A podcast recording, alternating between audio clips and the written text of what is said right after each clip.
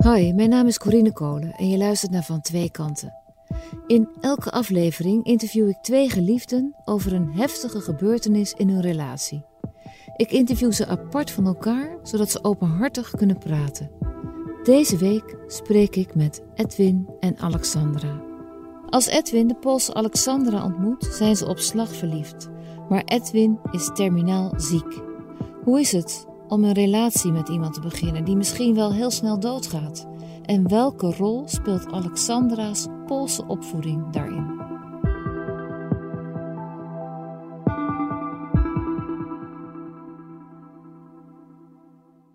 Ja, het was tijdens een feestavond voor mij, hè? 31 december op 1 januari 2015 op 16. En uh, ja, ik had al 40, 50 edities georganiseerd al eerder. Dus op een gegeven moment dan uh, weet je wel wat, er, uh, wat je staat te wachten op zo'n avond. En je kijkt een beetje van naar de menigte, van wat komt er allemaal binnen. En in één keer sta je oog in oog met Alexandra. Ja, het was gewoon gek. Ik heb nooit iets meegemaakt. Dat zijn feesten voor 30-plussers. Een beetje huis, techno, technomuziek. Uh, ik was toen zes jaar uh, alleen. En eigenlijk uh, bij de ingang zag ik Edwin achter de bar. En dacht ik, nou, leuke man. Wat zei je tegen haar? Nou ja, dat, dat, dat, dat meen ik ook oprecht. En dat klinkt ook wel weer gek. Ik zeg, nou, ik heb dit nog nooit meegemaakt, wat ik nu voel. En normaal gesproken, als je iemand leuk vindt, je gaat er een gesprek mee aan. En kijken, is het, is het wel zo leuk? Want mensen kunnen er leuk uitzien. Maar dat wil dan helemaal niet zeggen dat het ook zo is. Hè? Dat ze ook zo leuk zijn als dat ze eruit zien. Misschien zit er een dubbele bodem ergens, geen idee. Maar ik kon dat niet ontdekken. Het was gewoon puur. Ja, warme, lieve, vrolijke, vrolijke man die eigenlijk aandacht uh, had. En dat vond ik ook heel, uh, heel fijn om, uh, om te beleven.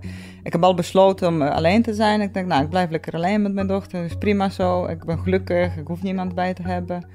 En opeens kwam hij in mijn leven.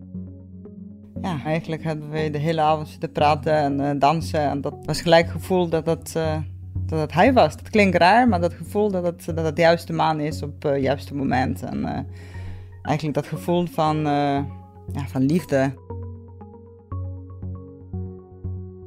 Ja, Edwin vertelde toen deze avond ook dat hij ziek was. Dat hij kanker heeft, dat hij misschien niet veel te leven heeft, dat hij een vriendin heeft. En dat hij geen geld geeft. Dat heeft hij ook gelijk gezegd. Dat, ja, hij kan bijna niet meer werken omdat hij ziek is. Maar hoe reageerde zij toen jij zei ik ben terminaal ziek? Alles was goed. Eh, ze begrijpt alles. Ik wil je alleen niet delen met een ander. Geld komen wel uit. Die ziekte, dat komt allemaal wel goed. Maar jouw vriendin is wel een probleem. Ze zegt ik wil geen maîtresse zijn voor jou. Want wat had je? Wat heb je? Kanker. Ik uh, ben terminaal. Uh, uitgezaaide longkanker. Het zat overal en nergens. Ik had 30 tumoren in mijn hele lijf mijn hoofd, uh, mijn ruggenwervel, weet ik veel waar, overal lever. Ja, overal en ergens. En uh, ze gaven mij een jaar als ik niets zou doen. En als ik uh, onder behandeling zou zijn, chemo zou niet werken, daar is het resistent voor. Maar hormooninjecties of bestraling, daarmee kon ik het waarschijnlijk vijf jaar redden. Misschien nog eens een keer een extra jaar, geen idee. Maar na vijf jaar houdt het vaak wel op. Bestraling kon ook niet volledig doen, omdat dat eh, in de longen is. Dus je kan niet de longen bestralen. En hemikuur uh, werkte niet. Dus hij heeft toen besloten, ook zonder mij, want dat was in 2014, toen hebben we elkaar nog niet ontmoet. Toen heeft hij besloten om niks uh, gaan doen en alleen alternatief weg volgen. Dus je dacht toen je hem leerde kennen dat hij binnen een jaar dood zou gaan? Ja, dat zou kunnen, ja. Dat zou kunnen, ja. Jij zei tegen Alexandra, ik ga misschien binnenkort dood. En Alexandra zei... Nou, dat zien we dan alweer. nou, die had echt zoiets van, nou ja, ik geloof er niet in. Dat gaan we gewoon redden, dit. Natuurlijk, ik heb wel twijfels gehad, maar die avond helemaal niet. Ik dacht, dat hem maar goed. En daarna, volgende ochtend, dat denk je natuurlijk na. Dan, dan begin je met elkaar te praten. En ik heb natuurlijk binnen twee dagen tegen mijn ouders gezegd. Die zeiden ook tegen mij, nou, doe, doe even, denk over na. Wat, wat, wat, dat, is niet verstandig. Je hebt ook dochter. En jullie hebben wat dingen, moeilijke tijd meegemaakt en, uh, en dan begin je weer een moeilijke tijd. Dus dat had ik natuurlijk van buitenaf heel veel afkeur. Dat iedereen zegt, nou, wat ben je mee bezig? Dat is niet slim. Maar ja, hoe meer ik Edwin leren kennen, ja, ik moet dat uitleggen. Het was heel belangrijk om bij hem te zijn. En elke seconde, elke minuut, uh, hij heeft mij heel gelukkig gemaakt. We hadden het super mooi samen. Dus toen dacht ik, als het wat korter duurt, dan ben ik toch dankbaar voor die tijd met, met Edwin. En ik, ik had eigenlijk vanaf het begin geloofd dat, uh, dat hij nog heel lang bij ons uh, kan blijven. Tot dat gevoel had ik ook. Dus ik dacht, nou, dat kan niet, hij gaat niet, niet dood.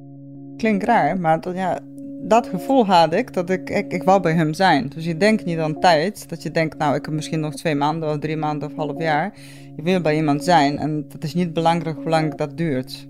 Natuurlijk voel je je in het begin bezwaard voor mij is dat aan de ene kant wel, wel lastig geweest. Aan de andere kant, ik ben heel duidelijk geweest. Omdat ik iemand ook niet wil teleurstellen. Joh, luister, ik heb een glimlach en ik sta hier vanavond te dansen. Maar ik ben straks weer helemaal eh, kapot en dan lig ik back af in bed. Ik noem maar even iets. Die ziekte van jou, wat voor manier speelt die een rol in jullie liefde? Ja, dat is iedere dag natuurlijk aanwezig. Ik, ik werk niet, ik ben afgekeurd volledig. En soms denk ik, Jezus, eh, kan ik niet gewoon een keer wat doen? Maar ja, weet je, ik, niet om het een of ander, maar als ik wat doe, dan ben ik daarna gelijk back af en helemaal gebroken. Als jij bijvoorbeeld ziek is, dat kan die niet helpen. Dus uh, dan moet ik alles thuis doen, mijn werk doen. En uh, soms mannenklussen doe ik ook. Laatst heb ik ook lampen, uh, moest, moest een plafond vastmaken, omdat hij niet met handen omhoog moet doen. En soms zeg ik tegen hem, waarom moet ik alles doen? Ik ben toch geen man, weet je. En ik eigenlijk zeg dat en daarna denk ik, ja, hij kan toch niks aan doen. Welke rol speelt Alexandra nu in het omgaan met die ziekte van jou? Een hele belangrijke rol. Ze zorgt dat ik ermee om kan gaan. En uh, als ik het moeilijk heb, dan sleept zij er mij doorheen. Als ik me rot voel, kom op. Weet je, even dat setje in de rug. Mij meeslepen. En ze zorgt wel dat we dan uh, weer wat gaan ontplooien, zodat ik me niet rot voel. Of dat er weer iets gebeurt. Ik zit vooral thuis, hè. Maar ja, af en toe moet ik gewoon mee en dan uh, wil ze me echt wel meeslepen. Het kan niet zo zijn dat we alleen maar dingen doen die ik leuk vind. Hè? Of dat we alles maar laten omdat ik er geen zin in heb. Ik bedoel, het gaat gewoon door. En dat moet ook. En dat vergeet ik soms wel. Maar dat vind ik ook niet erg. Dat klinkt misschien raar. Misschien is dat mijn karakter dat ik het leuk vind om uh, voor iemand te zorgen. En uh, ik ben echt ondernemend, dus ik vind het wel leuk om. Uh, daarom ben ik ook mijn bedrijf gestart vorig jaar om met Edwin te kunnen zijn. Dus ik heb echt anderhalf jaar eigenlijk vanaf thuis gewerkt. Dus dat was ook fijn om elke moment met Edwin kunnen zijn. Ja ik, moet, ja, moet wel zeggen dat het wel wennen als gaat werken straks. Ik ga maar drie dagen per week werken, in het begin even vier dan. Maar dat wordt wel wat, ja. En dat zou ik ook missen. Alleen het feit dat ze om me heen is, dan uh, doet zij haar ding en ik mijn ding. Dat geeft ook een fijn gevoel. Hij heeft mij ook heel veel dingen terug, hè. Dat is niet zo dat alleen alleen maar ziek is en niks meer doet. Hij zit in een stoel en beweegt niet en praat niet. Nee, hij heeft mij heel veel terug die tegen mij zegt dat hij trots op mij is en die van mij houdt en mij mooi vindt. En uh, dat, dat, dat zit in Edwin, dat hij die complimenten, die warmte en liefde kan elke dag uitspreken. En, uh, en als wij wandelen in het park samen, dat zijn kleine dingetjes, kleine momentjes, dan zijn we heel blij. Ik denk dat zij toch, ondanks alles, gelukkig is. Natuurlijk zou je bepaalde dingen anders willen zien, maar het is wat het is. Ik denk niet dat wij mensen zijn die heel erg gaan vastklampen aan dat wat niet goed is of dat wat anders moet. En zo zitten we gewoon niet in elkaar. Dus ik denk ook voor Alexander, als ik dan voor haar mag spreken, dat het nu gewoon, uh, gewoon goed is.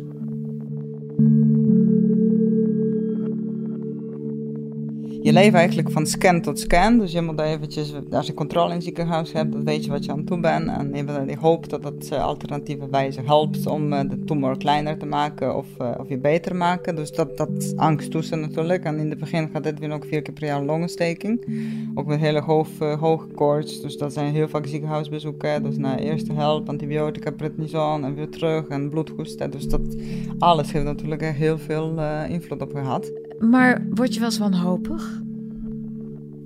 Nee, dat niet. Dat klinkt misschien raar, maar ik ben heel sterk. Hè? Dat komt misschien door de opvoeding. Want ik ben echt heel uh, ja, streng, moet je zeggen. Ja, ik denk dat Poolse opvoeding wat anders is dan Nederlandse opvoeding. We zijn heel uh, meer streng opgevoed en harder gemaakt door leven.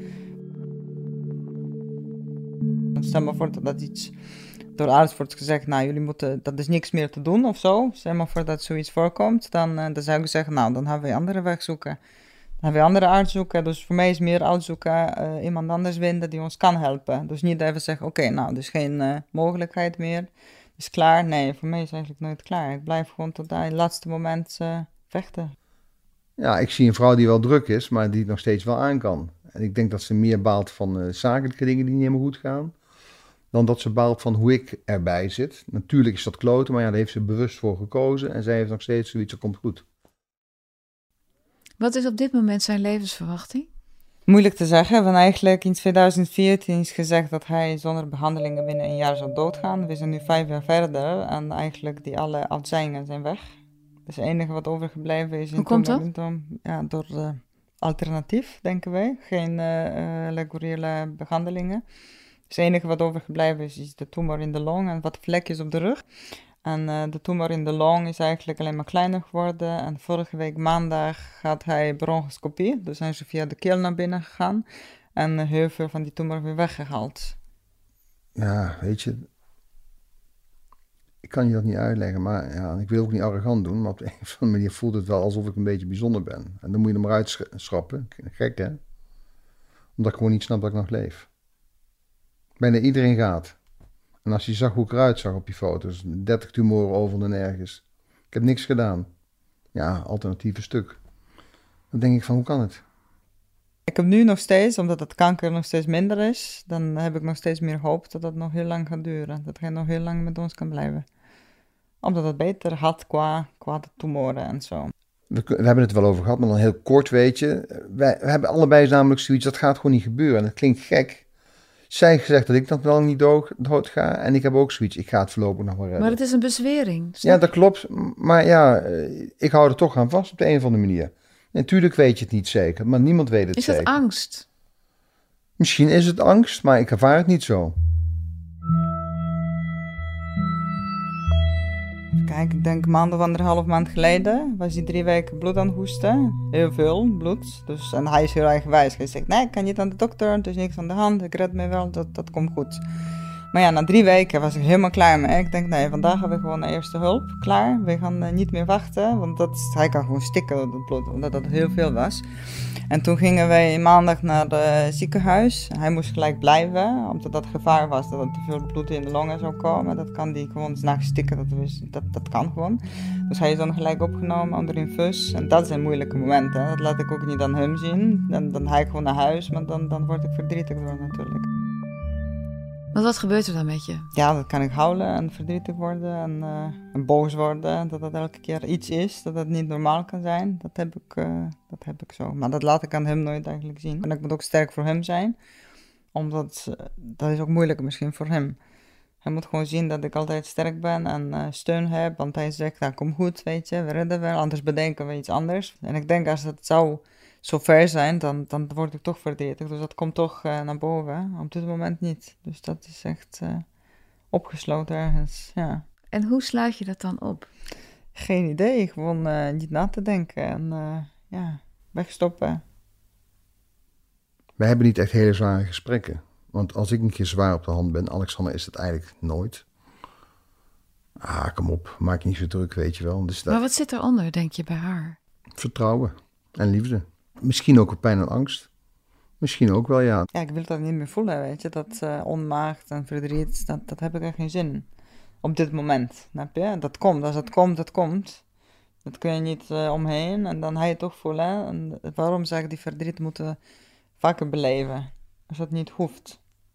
Snap je? We weten niet hoe lang dat duurt, dus zoveel mogelijk leuke dingen beleven. En niet over dat verdriet uh, nadenken.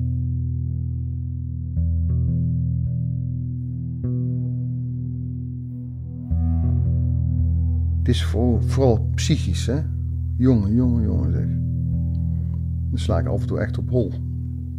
Dan besef ik mij in één keer waar ik in sta en uh, wat allemaal is gebeurd, vrienden die ik heb verloren. Vrienden. Wanneer was dat de laatste keer dat je, dat, dat je je echt realiseert Van wat je week. aan de hand... wa- Wanneer was dat? Van de Ja, week? dat weet ik niet, van de week, een paar dagen terug. Ik weet alleen niet meer of ik in het park was of dat ik hier thuis was. Maar ik realiseer me dat door vrij regelmatig hoor. Het, zeker als ik weer iets heb gehad, weet je wel. Ik heb in het ziekenhuis gelegen, of wat dan ook. De laatste tijd lag ik een paar keer in het ziekenhuis. Maar wat realiseer je dan? Ja, dat ik terminaal ziek ben. Probeer je eens voor te stellen wat er gebeurt als hij er niet meer is.